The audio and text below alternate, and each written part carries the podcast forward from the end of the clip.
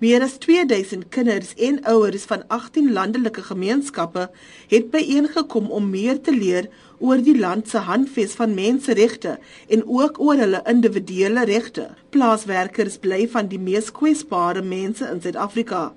Ingrid Lestrade is die direkteur van die Goedgedag Trust wat vir die afgelope 23 jaar met plaaswerkers en hul kinders werk om hulle lewensomstandighede te bevorder. Omtrent 10 verskillende prokureurs wat gekom het en hulle vryheid gegee het om vir die mense regsadvies te gee gratis. So en ons gaan ook 'n kinder workshop reël met die kinders waar hulle hulle hulle regte gaan leer. Regskenners sê toegang tot regte en regsdienste op plase is steeds 'n uitdaging uitdaging, veral met baie landelike gemeenskappe wat nie genoeg gebruik maak van juridiese dienste soos die gelykheidshof nie.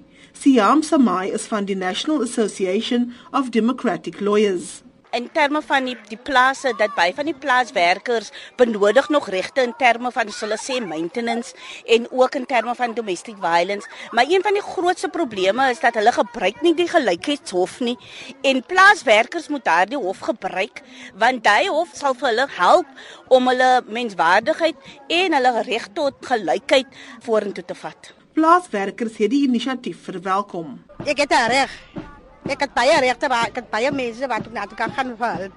Gesinsgeweld daar is die polisie is daar ek kan help kry vir alle geweld en alle misdade.